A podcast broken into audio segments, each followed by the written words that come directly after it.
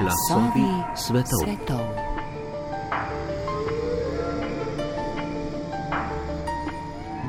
Padec berlinskega zidu leta 1989 je tako na zahodni kot na vzhodni strani nekdanje železne zavese vzbudil upanje, da bo delitev sicer od nekdaj zelo raznolike Evrope po pol stoletja končno postala del zgodovine. Nekdanje članice komunističnega bloka, predvsem Poljska, Češko-Slovaška in Mačarska, pa Romunija in Bolgarija, ter ob kasnejšem razpadu Sovjetske zveze tudi Litva, Latvija in Estonija, naj bi se po daljšem zgodovinskem ovinku obrnile k tistemu modelu države, ki se je zdel ob koncu hladne vojne kot neke vrste zgodovinska nujnost. Prevzele naj bi torej kapitalizem in demokratične institucije Zahoda ter se pridružile NATO in Evropski uniji. In prav to se je v naslednjih dveh desetletjih bolj ali manj uspešno tudi zgodilo. Tudi začetnemu navdušenju nad združitvijo celine in čim bolj zvestim posnemanjem zahodnih držav je marsikje na vzhodu razmeroma hitro sledilo razočaranje nad novo družbeno realnostjo, ki je sicer res prinesla bolj demokratične institucije, svobodo govora in tuje investicije, po drugi strani pa je poglobila ekonomsko neenakost, povzročila velik odtok izobražene sile na zahod in v vzhodnih državah ustvarila občutek, da so kot evropska periferija v veliki meri podrejene svojim zahodnim sosedam. Odnosi med vzhodom in zahodom celine so s tem seveda postali veliko bolj zapleteni, celotni zgodbi pa gotovo ni bilo v pomoč niti dejstvo, da se od finančno-gospodarske krize po letu 2008 ni zamajal samo mito o združeni Evropi, ki bo delovala po zahodnem modelu, ampak je veliko manj prepričljiv in veliko manj samoumeven postal tudi zahodni model sam. Danes se tako višegrajske države, predvsem Poljska in Mačarska, odkrito upirajo nekaterim aspektom zahodne liberalne ureditve, obe državi pa imata zaradi nespoštovanja neodvisnosti sodstva in medijev ter nasprotovanja migranskim politikam velike težave v odnosih z jedrnimi državami Zahodne Evrope, ki se po drugi strani s podobnimi desničarskimi populističnimi gibanji spopadajo tudi same. Vprašamo se torej lahko, kako je spričo vseh teh dogodkov videti upanje, ki ga je v tistem času vzbujalo leto 1989, ter kaj je tisto, kar je v teh 30 letih tako zelo spremenilo način, kako oba dela celine gledata drug na drugega. O vsem tem bomo v tokratnih glasovih svetov govorili z zgodovinarjem in urednikom revije Razpotja dr. Luko Lisjakom Gabrielčičem, ki je skupaj z mađarskim kolegom dr. Ferencem Lacom nekaj pogledov na ta vprašanja zbral v zbornik z naslovom Dediščina razdeljenosti Vzhod in Zahod po 1989, ki je v sodelovanju z Društvom humanistov Goriške in revijo Razpotja nedavno išel pri založbi ZRC Sazu.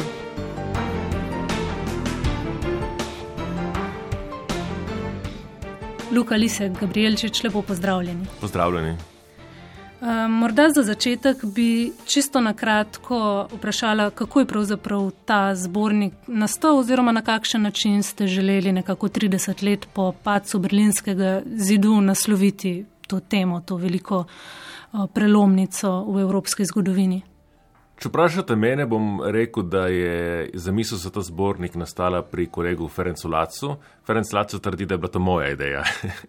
um, jaz mislim, da sem že nekako v zadnjih letih večkrat omenil, da bi rad nekaj naredil z nekim akademskim projektom, kako bi rekel, obeležil to obletnico, okroglo obletnico, 30. obletnico paca Berlinskega zidu In on je potem, takrat 2018, pristopil do mene, me spomnil na to mojo uh, željo in predlagal en tak zelo, kako bi rekel, zelo klasičen model. In to je anketo. On je rekel, dajmo zbrati avtorje, akademike, javne osebnosti zahodne in vzhodne Evrope, ki se ukvarjajo s tem vprašanjem in dajmo jih vprašati, dajmo jim poslati ista vprašanja. Tako se je začelo.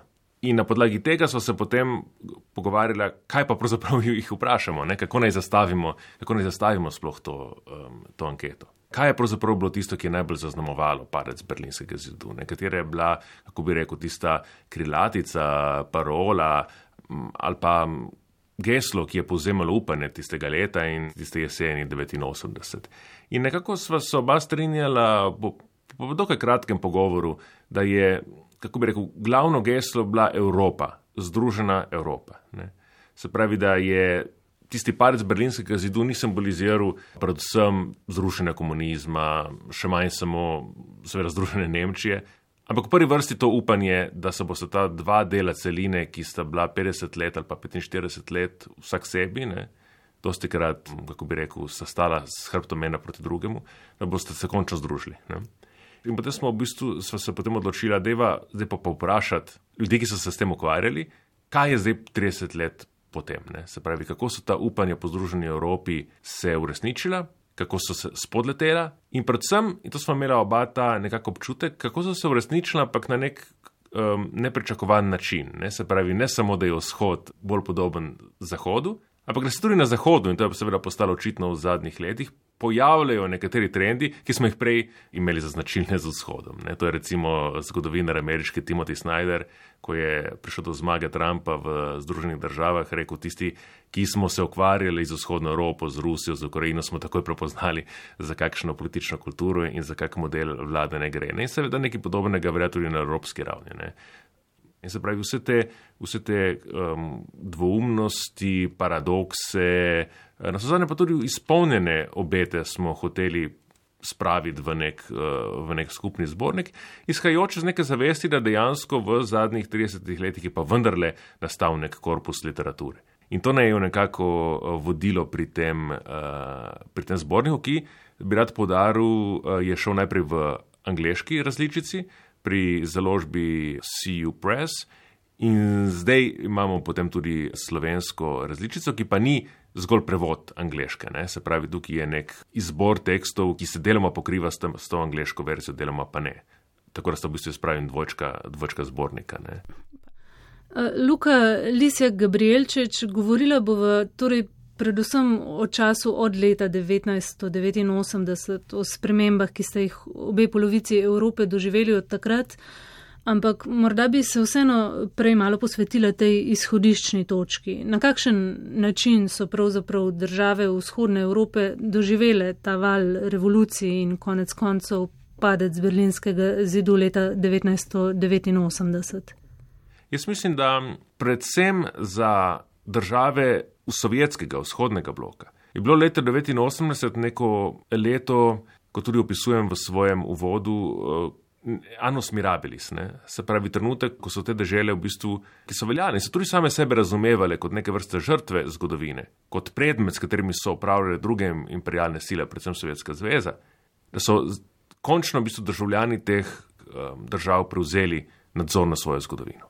In ta občutek nekega trenutka, kako bi rekel, tistega pravega revolucionarnega trenutka, ne, ki je tudi globoko oseben, eksistencialen. Mislim, da to odseva v zelo številnih teh tekstih. Ne. Zdaj, izkorišča tudi, seveda, um, ta izkušnja vendar ni bila izkušnja vseh postkomunističnih držav. Za nas, Slovence, leto 1989 ni tako pomembno kot recimo leto 91 ali pa 90 ali pa 88, ne, ko je bila slovenska pomlad. In enako velja tudi recimo za Ukrajince, pa za Ruse, da ne govorimo recimo o, o Albancih. Ne. Ampak kljub temu uh, se nam je zdelo, da je vendar to neko simbolno leto. Ker to, kar se je zgodilo v Berlinu in v Varšavi in v Pragi in v Budimpešti in kasneje na koncu leta v Bukarešti tistega leta 1989, tudi bi so znatno vplivalo na dinamiko razvoja tudi v ostalih socialističnih državah. Ne. Kako bi pa opisali samo vsebino teh revolucij? Omenila sva že, da jih je definirala predvsem želja po vrnitvi na Zahod, ampak Kaj so si v resnici predstavljali pod tem? Ja, to vprašanje, kaj je pomen leta 1989, to je pravzaprav begal opazovalce od samega začetka. Znan je tekst um, Ralfa Darendorfa, nemškega politologa, ki je ob tej priložnosti zapisal knjigo um, Razmišljanje o revoluciji, kako je že v, v Evropi, če se, ne, če se ne motim. Ker je bila njegova teza, da pravzaprav v letu 1989 je bila revolucija brez vsebine, da ni prinesla nobene nove ideje. Se temu tudi v teksti, ki so v zborniku, marsikdo nasprotuje. Na zadnje, kot opozarja mačarski zgodovinar Ištvan Rev, če pogledamo samo zgodovino Mačarske, je ideja odprte družbe in liberalno-demokratske države izjemno inovativna ideja za mačarsko zgodovino. Mačarska po takega političnega roditva pravzaprav ni imela. Je pa res, seveda, da je vendarle bila neka to kako bi rekel, nenavadna revolucija.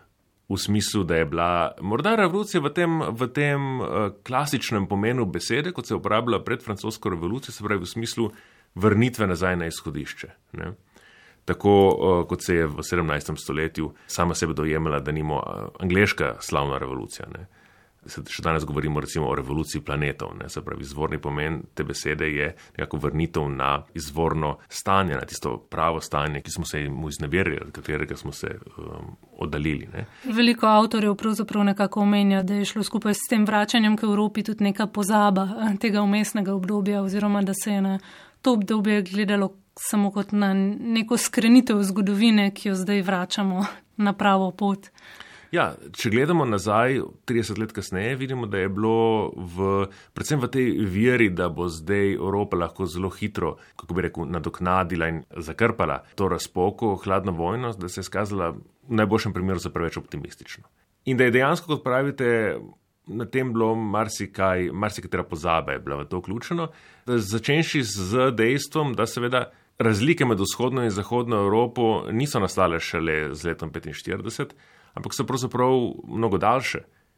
Da je obstajala, recimo, že v dvojnem obdobju zelo bogata, da rečem tako, pestra literatura, ki je obravnavala ravno ta vprašanja velikega zaostanka v ekonomskem pogledu, v pogledu socialnih struktur med obema deloma celine.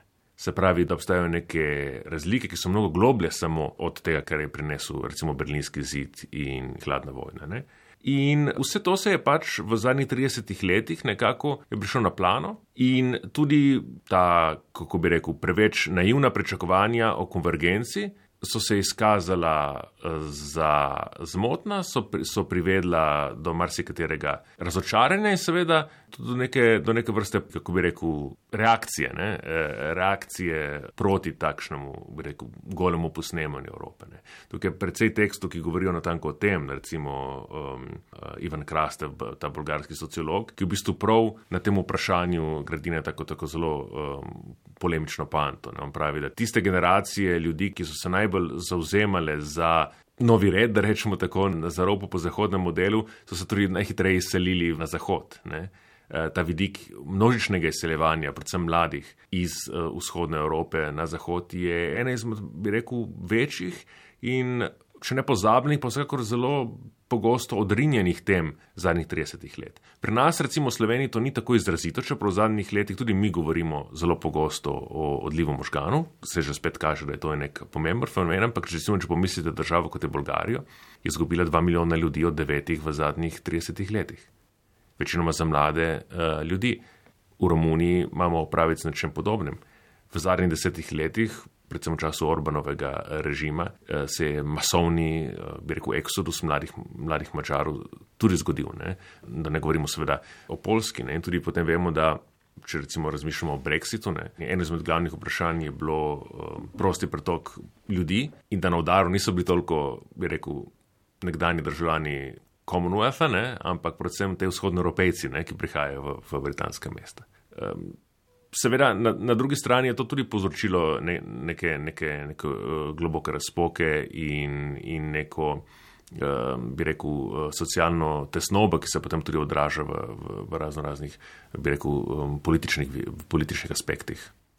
Ruka Lisija Gabrielčič, to je seveda povezano s tem, kar ste že omenili, da pravzaprav države vzhodne Evrope ekonomsko nikoli niso niti približno dohitele Zahodne Evrope, zdi se pa in tudi veliko člankov omenja kot neko prelomnico finančno-gospodarsko krizo leta 2008, ki je seveda po eni strani pokazala na, na, na neke slabosti celotne gospodarske ureditve, kakršno imamo, po drugi strani je pa s tem neenakomernim reševanjem krize tudi nekako jasno postavila, kdo je tisti v Evropi, ki postavlja pravila v takih trenutkih. In pod vprašaj postavila recimo solidarnost med eh, članicami.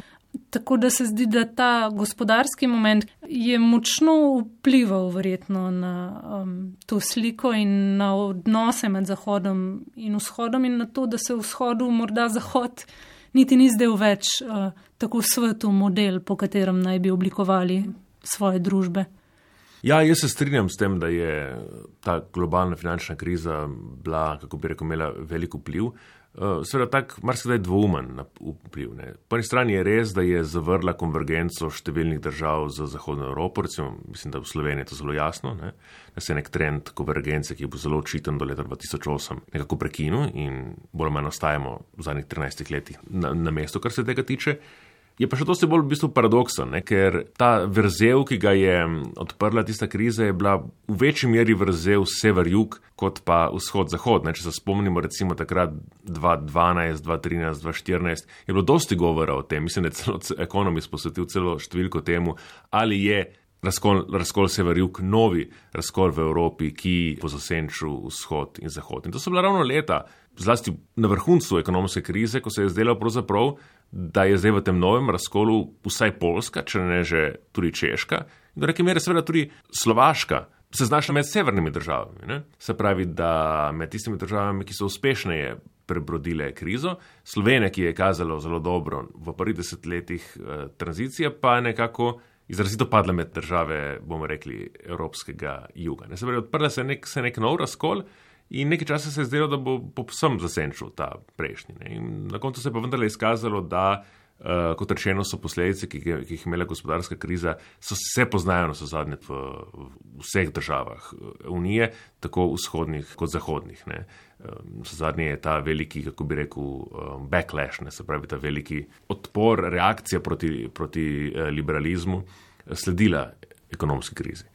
In zlasti na polskem je zelo očitno, na mačarskem mislim, da je v manjši meri, ampak na polskem je očitno, da je prav eh, populistična desnica uspela izkoristiti socialne razlike, ki jih je povzročila sicer vse v makrokazalcih načeloma uspešna transformacija Polske v kapitalistično državo, je pa vendarle povzročila številne socialne stiske, povečala razlike med ljudmi, tudi na izrazito, kako bi rekel, geografski ravni. Ne. Se pravi, eh, odprle so se tudi znotraj samih držav, znotraj Polske, da nimamo ne. neke stare, na pol pozabljene geografske delitve, ne. recimo med zahodno Polsko, med tistim delom Polske, ki je bil eh, recimo pod Nemškim cesarstvom ne, in vzhodnim delom, ki je bil pod uh, Ruskim cesarstvom. Če pogledate volilne zemljevide Polske, ne vidite, da je vedno.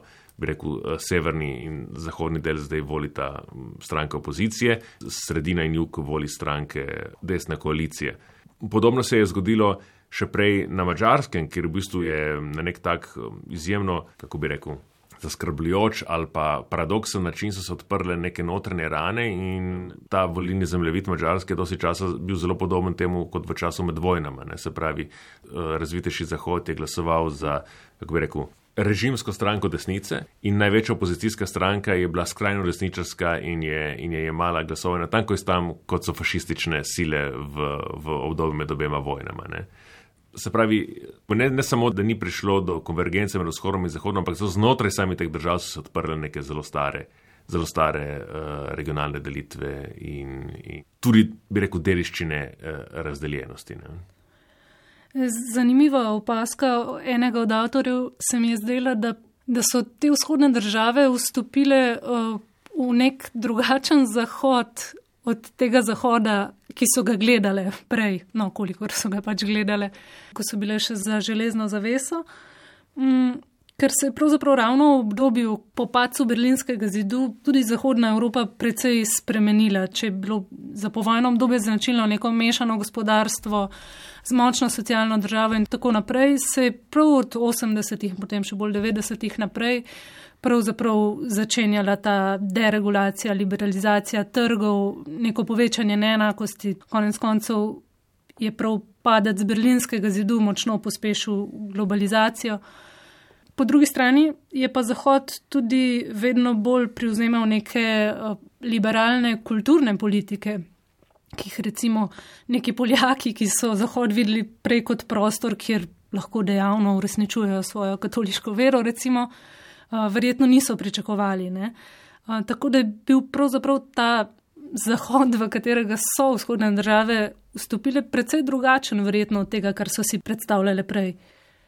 Ja, eh, gotovo je, da ne samo, da so zahodne države zelo slabo poznale vzhod, kot ga še danes zelo slabo poznajo. Ampak seveda je veljalo v marsikateri meri tudi obratno. V Jugoslaviji je bilo seveda drugače, ker je imela Jugoslavija pozbrodina neko liberalno politiko izseljevanja in seveda meja nasploh. Ne. da ne smemo pretiravati tega, kako bi rekel, zaprtega sistema v vzhodnoevropskih državah. Tudi Poljaki so lahko potovali, ne, tudi Mačari so lahko potovali z mnogo večjimi restrikcijami, gotovo pa ne tako množično. Ne. In se pravi, poznavanje Zahodne Evrope je bilo tudi šipko v teh državah. In res je, da je seveda, to tudi ne smemo pozabiti, ne, da je leto 1989 neko leto globalne transformacije, ki se začne v teh državah vzhodnega bloka in od tukaj potem njihov, bi rekel, ponos ali pa, ali pa trenutek, ko se, ko se pojavijo v, v središču globalne zgodovine. Ne. In to leto 1989 je potem, kako bi rekel, nek potres začne tukaj, ampak potem te sismični valovi tega potresa, ki se začne recimo v Varšavi, Berlinu in, in Budimpešti, potujejo prek celega sveta. In to jaz mislim, da je eden izmed prednosti tega zbornika, da smo tudi uspeli vključiti recimo kitajski pogled. Ne, ker tudi na kitajskem je vendar bilo leto 1989 drugačno kot, kot v Evropi. Ne tam je ti namen um, se končal tragično v krvi. Ne? Ampak to je pripeljalo do neke transformacije Kitajske iz neke države, ki je bila nedvomno pač socialistična država, uh, v nekaj drugega, ne? v, v Kitajsko, kot jo poznamo danes. In, in ta tekst je napisal James Wang o tem letu 1989 iz kitajske perspektive izjemno zanimiv, ne? ker v bistvu pokaže neko. Neko drugo, neko drugo perspektivo na leto 1989. Pomislimo seveda recimo na vpliv tega leta v državah kot je Južna Afrika. Ne. Parec v polnega sveta ima tudi izjemno vpliv na konec apartheida v Afriki. To je bil nek globalni, uh, globalni fenomen, ki je pripeljal do spremembe tega hladnobojnega sveta, ki je, kot ste rekli, bil tisti svet, bil tisti zahod, v katerega so te države uh, vzhodnega boga gledale. Ne. In ko je bilo konec tega dvopolne ureditve, je bilo konec tega zahoda. In v tej novi evropski ekonomiji so uh, države vzhodnega bloka prevzele neko polperiferno mesto, ki so ga pravzaprav že prej imele ne, v zgodovini 19. in 20. stoletja. Uh, tukaj je izvrsten članek Bela Greškoviča in Doroteje Bole, ki opisuje prav to, uh, bi rekel, dvoumno dediščino ekonomske tranzicije v vzhodni Evropi. Ker po eni strani seveda ne smemo pretiravati, ko slišimo te trditve, da je vzhodna Evropa postala, bi rekel, neka kolonialna periferija uh, Zahoda. To je vendarle pretirano. Uh, vendar po drugi strani je pa zelo jasno, da seveda, da tiste konvergence v neko družbo blagostanja ni bilo. Seveda tudi zato, ker ta družba blagostanja, ne, ko so pozorili, pravzaprav na Zahodu več ni, ni taka, kot so jo gledali recimo na začetku 80-ih let. Ne. Tudi tam so se zgodile. Uh, nek, neke spremembe. Ne? In, in to je gotovo um, povzročilo neko razočaranje, predvsem pa seveda tudi transformacijo potem političnega prostora, ne? ki je bil v 90-ih letih zelo, kako bi rekel, postideološki. Ki je bil zgrajen okoli te ideje, da je v bistvu je glavna vprašanje je pridružitev Evropski uniji in uvedbi zahodnih modelov, in je pravzaprav pozabljal na, ni, ni, ni bil zgrajen tako, da bi nagovarjal resnične problem, oziroma bolje rečeno, razpoke, da bi odražal resnične razpoke v družbi. Ne. In potem je ta, bi rekel, sistem popolnega konsenza, ki se ga mogoče spomnimo ali pa ne spomnimo iz začetka 90-ih, eh, se nekako sesu sam vase. Kdaj se pa pravzaprav začne to dogajati? Jaz mislim, da nek simbolni datum se mi zdi leta 2005, to tudi omenjam v, v svojem uvodniku. 2005, zato ker takrat so te volitve na polskem, ki v bistvu privedejo do te delitve, ki je uh, še danes aktualna. Ne? Se pravi, ta prejšnji razkol, bomo rekli, med postkomunističnimi silami, se pravi silami reformirane levice na eni strani in strankami, ki izhajajo nekako iz opozicijske tradicije, ki je neka delitev, ki je recimo nam domača, ne? se popolnoma sesuje zmagajo premočno stranke, bomo rekli, desnice. Ne? In takoj po zmagi v bistvu se začne razkol znotraj, te, znotraj uh, tega samega pola, ne? med uh, stranko Brato Kačinski na eni strani in stranko Donalda Tuska, ne? platformo obyvateljsko na, na drugi strani. Se pravi, med neko, bomo rekli, liberalno interpretacijo, proevropsko interpretacijo tega, kaj ne bi bilo leto 89, ne? in neko drugo, bolj populistično, konservativno, ki reinterpretira, se pravi, to leto 89 iz neke druge perspektive. Ne. In ki seveda dosti bolj uspešna se izkaže tudi v izkoriščanju teh socialnih, socialnega nelagodja, ki ga je povzročila tranzicija. Ne. Stranka, bomo rekli, konservativne desnice, postane, na polskem je to očitno, glavna zagovornica, bomo rekli, poražencev tranzicije v tem socialnem, v socialnem pogledu. Ne. Večkrat je omenjeno, mislim, da je eden od piscev reče celo, da če je bila prej Evropa razdeljena na nekako komunistične in kapitalistične države, da je po padcu berlinskega zidu razdeljena na tiste, ki imitirajo in tiste, ki jih imitirajo. In v tem smislu kar nekaj piscev opozarja tudi na neko tesnobo tega položaja, pravzaprav čisto v psihološkem smislu. Seveda zdaj sva naštevala neke bolj realne družbene aspekte, ki so vplivali na to, da se je pojavilo sploh tako nezadovoljstvo, ampak govorijo tudi čisto v neki psihološki tesnobi nekoga, ki je vse čas pravzaprav v položaju, da samo posnema, ki pravzaprav nikoli ne posnema dovolj dobro in ki tudi, tudi ocena tega, kako dobro posnema, pravzaprav ni v njegovih rokah, ampak je v rokah um, Zahoda, recimo tistega, ki ga posnema. Ne? Ja, ja. Uh, ta tesnobnost posnemanja ne, je ena tema, ki se uh, pojavlja v številnih tekstih. Zato tudi um, Mislim, da je bilo zelo posrečeno, da smo, da smo zbrali tak model, tak pristop v bistvu k tem tekstom. Mi smo v bistvu poslali vsem, vsem avtorjem vprašanje, isto vprašanje, ki so bila tako zelo splošna. Ne? Se pravi, a je prišlo do konvergence med vzhodom in zahodom, če da, kakšna je, če ne, zakaj ne.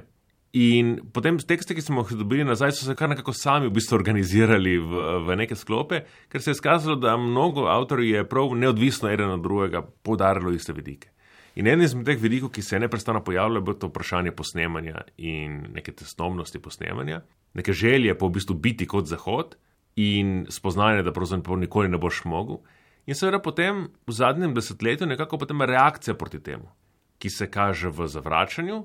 Recimo Zahoda kot modela, to je recimo zelo izrazito na mačarskem, kjer Viktor Orban že od samega začetka zelo jasno povedal, da Zahod ni več merodajni model za Mačarsko, da so zdaj glavni modeli uh, Singapur, Južna Koreja, Rusija, tudi Turčija ali pa Azerbejdžan, ne?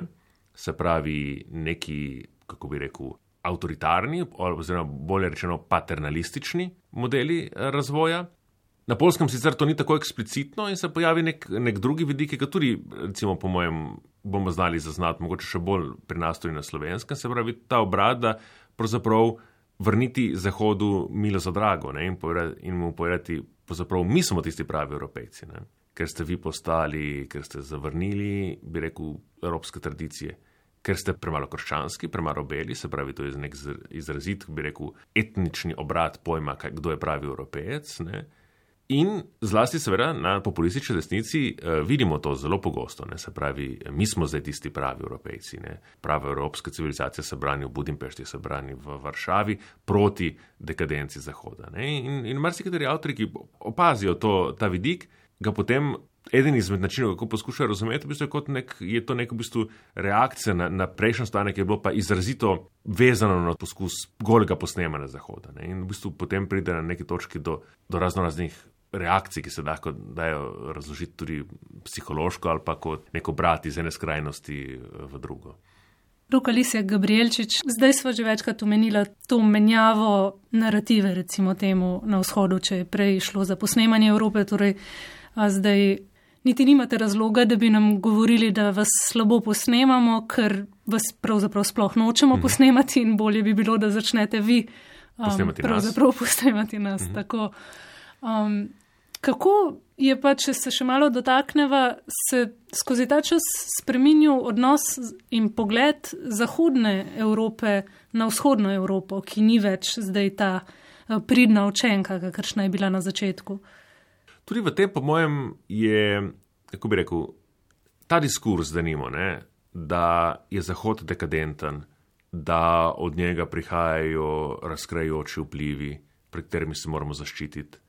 Da smo mi tisti, ki branimo, bomo rekli, tradicijo, pravo tradicijo Zahoda. Predvsem pa, da je kljub temu, da, da imamo recimo na mačarskem, na polskem nek avtoritarni model, je pravzaprav to model v opoziciji, ki je v bistvu preganjan na evropski ravni, ne? da pravzaprav je vzhod nekako v podrejeni poziciji in se torej more braniti. In njegov avtoritarni režim se zgolj, se zgolj branijo. Torej, vse to je pravzaprav nekaj, kot to pozna recimo Holy Case v svojem, v svojem eseju, to je pravzaprav nekaj, kar zelo dobro poznamo iz realsocialističnih, iz diskursov, iz retorike realsocialističnih režimov. Ne. Oni so natanko na tak način kako bi rekli, se branili pred očitki o kršitvah človekovih pravic vizavi Zahodu. Ne. In to retoriko v bistvu potem zdaj posnemajo uh, populistično desničarske stranke. In nekaj podobnega, seveda, paradoksno lahko vidimo tudi na Zahodu. Ne. Se je recimo v času Trumpa je bilo zelo očitno, da ta grožnja, ki prihajajo iz vzhoda, ne, če se spomnimo, ne vem, bil Newsweek ali Times magazin ali ne vem, kateri um, ena izmed teh znanih revij ameriških je takrat tik po Trumpovi zmagi. Ne? Če se spomnimo, imela belo hišo, ki je bila narisana v obliki teh crkva, ki so na rdečem trgu v Moskvi. Ne? Pravi, prihaja ruska nevarnost. Ne? In ta potem tudi, kako bi rekel, eksotizacija nevarnosti, ki prihaja iz vzhoda, in potem nekaj, kar, kar vidimo, ne samo, kar smo videli ne samo na odnosu Amerika-Rusija, kar bo zelo očitno v zadnjih v, v štirih letih Trumpa, ampak tudi Nekaj podobnega vidimo tudi v Zahodnji Evropi. Ne? Se pravi, iz vzhoda prihaja nevarnost avtoritarnosti. Ne? In ta liberalna retorika na Zahodu ima pogosto, se pogosto poslužuje tudi podobnih hladomojnih trikov retoričnih, kot velja eh, za njihove nasprotnike na vzhodu. Ne? Recimo, ta vidik je, je zelo zanimiv, ne? ali pa, um, kako bi rekel, nelagoden, ne? bolj kot zanimiv. Tako da ta um, neznanje o Zahodu, iz katerega prihajajo, iz katerega se rojevajo pošasti, ki ogrožajo Zahod, je prisotno tako bom rekel na liberalni levici, kot na desnici. Ne. Na resnici smo videli v primeru Brexita, pa tudi v kakšni drugi državi, v obliki strahu pred migranti, ki prihajajo iz vzhoda, ne, pred pregovornim polskim vodovodarjem, ne, ali pa recimo pred Romuniji, kot vidimo v, v Italiji, pa v Franciji ali pa v Španiji, ne, neko v, v tej levo-liberalni retoriki, pa kar sem omenil, ne, se pravi, zdaj ni, ni nevarnost, niso nevarnost migracije, pa nevarnost ta politična kultura eh, nereformiranega vzhoda, ne, ki ogroža zahod. Tudi to deliščno hladovojno lahko vidimo na takih takih nepričakovanih mestih. Ne? In jaz mislim, da tudi to je bil na vse zadnje pripomoček tega našega zbornika, tistega, ki je šel v, v angliškem jeziku, nekako da bi tudi Zahodu na, na njem razumljiv način predstavili tudi kompleksnost eh, političnega življenja in družbenega življenja v, v vzhodnji Evropi. Vse zadnje tudi vzhodna Evropa uh, ima neke, ne, neke politične sisteme, ki so enako zanimivi, enako večplastni, uh, v katerem se, se pravzaprav, in to se mi zdi zelo pomembno, v katerem se pravzaprav odvijajo neki procesi, neki trki med različnimi vizijami. Ki v marsikaterem pogledu se je izkazalo, napovedujejo neke trende na, tudi na Zahodu. Ne. No, zadnje, kot rečeno, tisti, ki smo spremljali, kaj se je dogajalo recimo na Polskem ali pa na Mačarskem, je bilo mnogo lažje potem razumeti ta uh, uspon populizmov v Ameriki ali pa recimo v Zahodnji Evropi. Ne. Tako da v bistvu um, jaz mislim, da poznavanje držav bivšega vzhodnega bloka pomaga tudi zahodnoevropejcem, da boljše razumejo same sebe. Ker ta, te vplivi kot rečeno, v zadnjih 30 letih niso šli samo v eno smer, so šli v obe smeri. Ne. In danes je Evropa mnogo bolj podobna si, uh, kot je bila pred 30 leti, čeprav na, na take v bistvu, na tak paradoksalne načine. Rukalis je Gabrielčič, pa bi rekli, da gre res za vplive, ki tečejo tudi iz vzhoda proti zahodu ali pravzaprav za to realno širšo politično situacijo, o kateri sva govorila prej, za neko ekonomsko situacijo, za morda tudi nek čisto na globalni ravni zaton Zahoda ali pa vsaj zaton Zahoda kot tiste edine prevladujoče um, sile, uspon Kitajske kot nekega alternativnega gospodarskega modela, ki deluje, kar se mogoče pred nekaj desetletji zdelo nemogoče in je pravzaprav vladal samo en model. Um, koliko gre torej za prenos nekih vzorcev iz vzhoda, koliko gre pa pravzaprav pri vsem skupaj za neko situacijo, v kateri smo in v kateri iščemo najrazličnejše rešitve, redko kdo je pa pravzaprav zadovoljen s tem, kar imamo.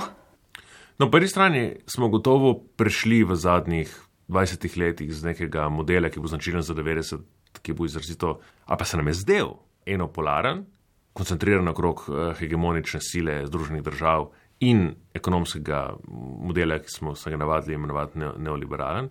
Jaz mislim, da je bila ta dvoumnost vedno če gledamo nazaj, zdaj vzvratno, mislim, da, da je bilo, se je znalo tudi 90 let opisati drugače. Ne? In mislim, da ta tekst od Jamesa Wanga, kitajski, tudi kaže, ne? da mogoče imamo tudi mi nek pogled na 90 leta, ki je izkrivljen, ne? ki morda iz globalno gledano pa le ni bil tak, kot se nam je zdelo, tudi ta ena polnost ni bila tako močna, kot se je zdela. Zdaj, to je gotovo res, ne? se pravi, da je um, ta zahodni liberalno-demokratski model izgubil svojo samoumevnost.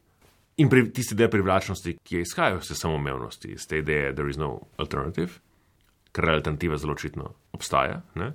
Po drugi strani pa jaz mislim, to je pa zdaj pa čisto moje, bi rekel, moj pogled. Ne, da, če smo omenili prej, da če smo omenili prej to dvoumnost ekonomske konvergence. Meni se zdi, da kar se je v tistem Annus Mirabilis leta 1989, ko so vsi govorili liberalščino, ne, liberalni jezik, nekako pozabilo, je bilo nekaj, kar je bilo zelo popularno v 60-ih, 70-ih letih, ta paradigma, ki jo je razvil v Franciji Fernand Brodel ali pa v Ameriki Immanuel Wallerstein, in ki je opozarjala na strukturno neenakost širših, rečemo tako, globalnih ali pa nadregionalnih ekonomskih sistemov. Da je vedno, da ima vsak integriran ekonomski sistem neko jedro in potem neko polperiferijo, neko periferijo, in da obstaja neka, kako bi rekel, zemljepisno pogojena delitev dela. Torej, da so tista dela, tista pravila, tiste ekonomske dejavnosti, ki prinašajo večji dobiček, ki prinašajo večjo dodano vrednost, skoncentrirana bliže centru, in na periferijah se potem koncentrirajo dela, ki v bistvu servisirajo ekonomijo v centru. Ne. In zdaj, če imamo en tak integriran ekonomski sistem, lahko ga imenujemo neoliberalni, če hočete, tako v političnem kot ekonomskem pogledu, potem se mi zdi, da, kako bi rekel, um, en izmed načinov, kako lahko razmišljamo, ko pride do krize tega modela, ne, je, da se razpoke hitreje pojavijo na periferiji, ker je ta sistem šipkejši.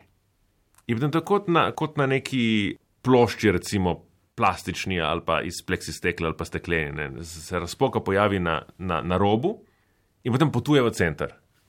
In, in ta kriza, bomo rekli, ki obstaja neka določena kriza eh, liberalno-demokratskega modela, ne, to je to, mislim, da zelo očitno v zadnjih petih letih se, meni se zdi, da se je najprej pokazala preko na, na periferijah tega integriranega političnega ekonomskega modela in potem potovala v center. Se kvedika mislim, da recimo politična kultura, da tako rečemo, ki jo je vajal Viktor Orban, nam vendarle pomaga razložiti, kaj se dogaja tudi danes na Zahodu, kaj se dogaja v, v, v Združenih državah. Ne. Zdaj pa seveda tudi, po drugi strani, pa tudi družbe vzhodne Evrope so danes mnogo bolj podobne zahodnimi. Ne. In to je nek paradoks, ki ga je moj kolega Ferenc Raco rado opozarja. Če mi napisali na tako knjigo 15 let ali pa ne, nazaj, se pravi okrog leta 2004, ko so se te države vstopile v Evropsko unijo, bi imeli opraviti z nekim političnim sistemom, ki se je zdel, da je dosegel večji del tega, kar se je, kar se je nadejal, neko konvergenco z, z Zahodom. Ne? Ampak po drugi strani družbe, ki pa še vedno so bile mnogo manj podobne Zahodnemu, ne? ker velik del ljudi ni govoril angliškega jezika, kjer so v bistvu vsi odrasli, rekel, večji del delovne sile ali pa državljanov. Ne? Um, Odraščalo in se, in se v bistvu formiralo v času, v času hladne vojne, v času realsocializma. Danes je paradoks, da imamo praviti z nečim drugim. Ne? Se pravi, družbe so si mnogo bolj podobne. Večina ljudi, vsaj mladih, v Sloveniji tudi širše, ne? ampak recimo, da rečem tako, v vzhodnji Evropi, vsaj mladih govori angliščino. Skoraj vsakdo ima kakega sorodnika, ki živi eh, na zahodu. Te stiki so izjemno močni. Če greste vi v, v, v vse metropole vseh teh držav in vas postavijo na glavni trg, ne morete verjeti avtomatično, da ste v Stokholmu ali ste v v, v Varšavi ali pa ste v Budimpešti. In tudi to bi rad podaril, ne, kot, kot nekdo, ki, ki, ki pozna Budimpešto. Ne, recimo, tudi če gledate ljudi, Budimpešte je danes mnogo bolj etnično in, in tako raznoliko mesto kot Ljubljana. Itak. Ampak tudi kot si mi mogoče predstavljamo na podlagi retorike, ki ga izvaja oblast. Se pravi, te družbe so dejansko si mnogo bolj podobne, kot so bile pred 15 leti. Po drugi strani pa se je zdelo, ne, da so politični sistemi postali mnogo bolj različni. Ali pa tudi ne, ker po drugi strani seveda imate potem v Italiji stranko, ki če ni na, na vrhu eh, anket, pa je zelo tik pred vrhom, kot je stranka eh, Severna liga, ki se od, odkrito zgleduje po, eh, po mačarski. Ali pa eh, Marine Le Pen, ki se tudi v bistvu eh, gleda na vzhod kot eno izmed možnih vzorov. Ne. In seveda zdaj bomo videli tudi, seveda vidimo tudi obrato. Poglejte, recimo, kaj se je pravzaprav v zadnjih dneh zgodilo na Hrvaškem, ne? kjer je recimo glavno mesto Zagreb dobilo župana, ki izhaja iz krogov, bomo rekli, neke alternativne radikalne levice. In takih mest v Evropi je malo. Ne? Jaz sem prepričan, da bo, da bo v prihodnosti bomo videli tudi stranke alternativne levice v Zahodnji Evropi, ki bodo hodile v Zagreb, v bistvu nekako, eh, po zglede. Ne? In tudi mislim, da se je v tem obdobju, bi rekel, boja proti Orbanovem režimu ali pa recimo desnemu populizmu na polskem tudi razvila nek družbeni kapital, nek, nek eh, politični kapital, ki, ki je že viden, ne? ampak ki se bo zelo, zelo hmali izkazal tudi v, bo, bo tudi postal bolj viden poprečnemu bravcu zahodnih medijev. In bo že spet, mislim, da bo tudi, kako bi rekel, bo tudi alternativne organizacije na, na zahodu bodo gledale že spet na vzhod kot nek možen vir eh, navdiha. Ne? Se pravi, te, te povezave politične, družbene so zelo živahne in, in, in obstajajo. Ne? Rokalisija Gabrielčič, eden od uh, piscev, tudi govori o tem, da pravzaprav, če je leto 1989 zaznamovala neka enotnost znotraj teh uh, vzhodnoevropskih držav, danes znotraj njih lahko zaznamo veliko razklanost. Prav glede te vizije, kako nasloviti težave trenutne družbe. Ja, to je neka nevarnost, ki jo Tukaj moram reči, pa mi slovenci delimo z Zahodom. Ne? Ker mislim, da tudi ta, bi rekel, samopravna identiteta, da ne rečemo občutek več vrednosti, ki so smo ga gojili v Jugoslaviji do držav vzhodnega bloka, sovjetskega bloka, je bila vezana, kot opozarjam v svojem uvodu, z nekim nepoznavanjem vzhodnih držav. Ne? Mi smo gojili neko popolnoma napačno prepričanje, še vedno gojimo to prepričanje, da je Jugoslavija bila neka posebnost, neka absolutna posebnost in vse ostale države vzhodnega bloka so bile bolj ali manj iste. In to absolutno ne drži.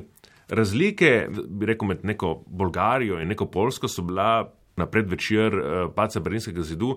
Jaz mislim, da ravno tako velike kot razlike med, ali pa večje pravzaprav kot razlike, da imamo med Jugoslavijo in, in Mačarsko, recimo. Ne?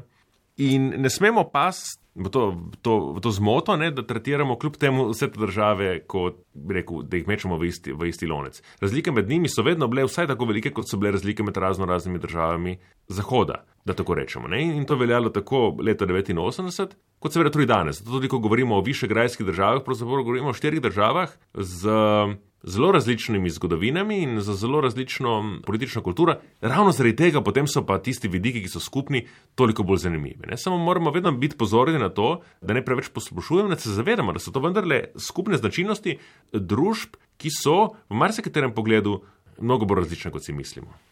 V mislih sem imela sicer bolj to notranje razlike, ki so se vzpostavile v samih teh družbah, ker je šlo leta 1989 pravzaprav za nek moment enotnosti. Zdaj ste pa govorili o tem, kako se recimo na mačarskem vzpostavlja opozicija in tako naprej. To pa vsekakor. Ne? Mislim, da to pa je nekaj, kar, kar pravzaprav nihče ni, in mislim tudi, tudi razumljivo, da nihče ni znal konceptualizirati takrat leta 1980, tudi kasneje. Ne? Se pravi, pod to zelo napačno razumljeno, razumljeni naukom o koncu zgodovine, Dosti krat, veliko člankov se tudi tukaj obregne ob ta znameniti uh, ali pa zelo glasni Fukuyamo tekst, ki se meni še vedno zdi zelo kvaliteten tekst in, in ga je smiselno iti nazaj brat. Ne. Mi smo ga preveč površno, oziroma smo ga spremenili v nek kliše. Ne. Ampak v tej ideji o koncu zgodovine je nekako. Veljalo je, da so pravzaprav tudi ideološka nasprotja in ta velika socialna nasprotja, ki so zaznamovali 19. in 20. stoletje, so nekako pasene. In res, v taki obliki so pa se, ne? ampak tako obdobje socializma, kot potem tudi obdobje tranzicije, je povzročilo neke specifične, bi rekel, razslojevanje, ki se seveda drugačnega, vsaj pod socializmom je bilo drugačne narave, kot bi rekel, razredno razslojevanje na, na zahodu, ampak vendar razlike so obstajale in seveda v času tranzicije pa še toliko bolj. Ne? Jasno je, da je, da je tranzicija, bi rekel, imela svoje zmagovalce tiste skupine, ki so se zelo ukrepile in so zelo izboljšale svoj status in, in svoj gmotni položaj v teh 30 letih, in druge skupine, ki so morda dejansko tudi v absolutnih, bi rekel, številkah ali pa kriterijih zaostale. Ne? Jaz mislim, da en tak primer je gotovo romska populacija. Zelo, bi rekel, pomembno vprašanje v vseh teh državah je dosti krat skrito pod preprogo. Romske populacije so spet obstaja tukaj razlika med posameznimi državami. Ampak države, kakršne je recimo Mačarska, so bili zelo dobro integrirani v času, v času socializma. So imeli službe, tako kot vsi ostali. Ne? In je potem ta ekonomska transformacija njih pravzaprav pustila na cedilu mnogo prej kot ostalo družbo. Ne? Na Čehoslovaškem je njihov, njihov položaj nikoli. Se ni pravzaprav bistveno izboljšal, ampak tudi zaradi tega potem seveda se je njihov položaj še toliko bolj poslabšal, tudi vizavi ostale družbe ne, um, po letu 1989 pa potem, jaz mislim, da tudi um, delovski razred nasploh, predvsem ta industrijsko delovstvo, je uživalo pod socializmom, vendar je neko, neko varnost, ki pa sicer iluzorna, ker seveda ni temeljila na, je temeljila na neki ekonomiji, ki je imela, bi rekel, hude strukturne probleme, ampak, ampak iz, iz vidika njihove lastne življenjske izkušnje, gotovo so marsikaj izgubili v teh 30 letih. Ne. Druge vidiki prebivalstva so pa dosti profitirali. Ne. In te razlike, seveda, so zelo močne. Um, lahko pa rečemo, če, lahko rečemo, če hočete tako, jaz mislim, da vendarle je nekaj na tem, ne, da nekega funkcionalnega načina, kako vključiti te razlike, kako politizirati te razlike, kako vključiti te različne interese v nek politični proces pogajanj, kompromisov in tako dalje, je pa bil zanemarjan.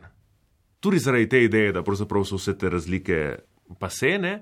In pa seveda zato, ker ni obstajala neka prava strankarska tradicija. Ne? In je potem tudi, zato je večkrat omenjeno tudi v, v zborniku, je ta način ustanavljanja stranke, ki ga pa vendarle poznamo tudi pri nas, se pravi, stranke, ki temeljijo izrazito na osebnosti, ki so zgrajene iz medijev in ne iz terena ki so ustanovljene recimo z denarjem, ki prihaja iz žepom milijarderjev, kot neki uh, fan klubi in tako dalje. V ta način v bistvu ni omogočil neke resne, konstruktivne reprezentacije različnih interesov, ki so se vendarle dogajali v, razlo, v razslojeni družbi. Že spet, če, če menimo tako, to ni nekaj specifičnega za vzhod. Vse na zadnje se prav v istem obdobju nekaj zelo podobnega začelo dogajati v Italiji z razpadom eh, strankarskega sistema. Zadnji tudi vidimo danes, da je, bi rekel, tisti hladnovojni politični strankarski sistem, ki obstaja recimo v državi kot je Nemčija, v Španiji, danes popolnoma razpadel. Ampak kot rečeno, spet, tukaj imamo že spet en, se mi zdi, tak fenomen, kjer so se na vzhodu, bi rekel, neki izraziti problemi postindustrijske družbe pokazali prej uh, ali pa bolj akutno kot, kot na zahodu. Mogoče za konec čisto na kratko še. Omenila so že, da Slovenija ima vendarle v sebi idejo, da je šla po neki posebni poti, -hmm. In seveda je tudi res šla po neki drugačni poti, sej Jugoslavija je bila precej drugačna od vzhodnega bloka. Zakaj se vam pa morda zdi čisto iz našega lokalnega vidika smiselno pogledati um, nekako na to dogajanje od leta 89, oziroma kaj imamo mogoče tudi mi s tem, oziroma se lahko naučimo od tu? Jaz mislim, da smo v Sloveniji v zadnjem letu in pol vendarle ugotovili, da le nismo tako različni od vzhodnoevropskih držav, kot smo si mislili, da smo. Ne? Na vse zadnje, vsi te, vsi te članki, ki so v, zadnjih, v zadnjem letu in pol išli o Sloveniji v zahodnem tisku, nas postavljajo ob bok, razumevajo našo politično uh, stvarnost v skladu z, bi rekel, interpretativnim modelom mačarske ali pa, ali pa polske. Ne? In tudi mi pravzaprav smo ugotovili, da če hočemo razumeti, kako politiko imamo, se nam splača brati o, o politični situaciji na mačarskem. Ni na ključje, da je ta biografija Viktora Orbana, ki jo je napisal Paul Lendvaj, postala pravzaprav uspešnica uh, v Sloveniji. Da jih lastajajo po tej knjigi, da bi razumeli pravzaprav, kje so tukaj usporednice in kje so razlike. Seveda, Slovenija ima več razlik z ostalimi bivšimi socialističnimi državami, kot morda velja za kako drugo. Vendar ima tudi mnogo več podobnosti, kot si misli. Jaz mislim, da vsakdo, ki bo prijel v roke ta um, zbornik, ker Slovenija tudi omenjena, ni obravnavana tako poglobljena kot ostale države. Jaz mislim, da bo marsikdo, ko bo bral recimo o situaciji na Češkem, na Slovaškem, v Ukrajini, zaznal marsikatere vidike, ki se mu bodo zdeli, aha, se pravzaprav je pri nas nekaj zelo podobnega. Ne? In bo imel možnost, da tudi našo realnost pravzaprav jo ne več razume, kako bi rekel, na ta način, kot, kot je bilo recimo med časom krize zelo um, popularno. Ne? Se pravi, da eno je svet in druga je Slovenija. Ne? In mi imamo vedno neke posebnosti in zakaj smo taki, in, in potem ne, iz tega nastaja neka slovenologija, ki je zelo popularen žanr na slovenski. Jaz mislim, da to je čas, da to damo v stran in da skušamo razumeti, kje je Slovenija v, bi rekel, v tej kompleksni mreži evropskih družb. Ne. Ima nekatere stvari, ki so podobne z državami Južne Evrope, ima nekatere stvari, ki so podobne z državami Srednje Evrope. In ima zelo veliko stvari, ki so podobne z ostalimi postsocialističnimi državami. In če mi ne razumemo, če mi ne poznamo tega dela naše realnosti, potem tudi samih sebi ne poznamo. In imamo potem napačno predstavo o nekaterih stvarih, ki se nam zdijo izrazito posebne in unikatne za Slovenijo, potem ugotovimo, da so pravzaprav zelo tipične in da tudi so bile pravzaprav analizirane, druge morda boljše in da lahko tudi naše zagate bolje razumemo in s tem tudi najdemo uh, odgovore. In seveda tudi razumemo obratno, ne? se pravi, kje pa smo res posebni in kje torej naša izkušnja je pomembna kako bi rekel, da Evropa bolje razume samo sebe. Luka Lisija Gabrielčič, najlepša hvala za pogovor. Hvala vam. S tem smo prišli do konca tokratnih glasov svetov, v katerih smo z zgodovinarjem dr. Luko Lisjakom Gabrielčičem ob nedavnem izidu zbornika Dediščina razdeljenosti govorili o spreminjajočem se odnosu med vzhodno in zahodno Evropo od padca berlinskega zidu leta 1989 naprej. Oddajo, ki lahko presluhnete tudi v obliki podcasta ali jo poiščete na spletni strani programa Ars, sem pripravila in vodila Alja Zore, zvočno pa jo je oblikoval Vladimir Jovanovič.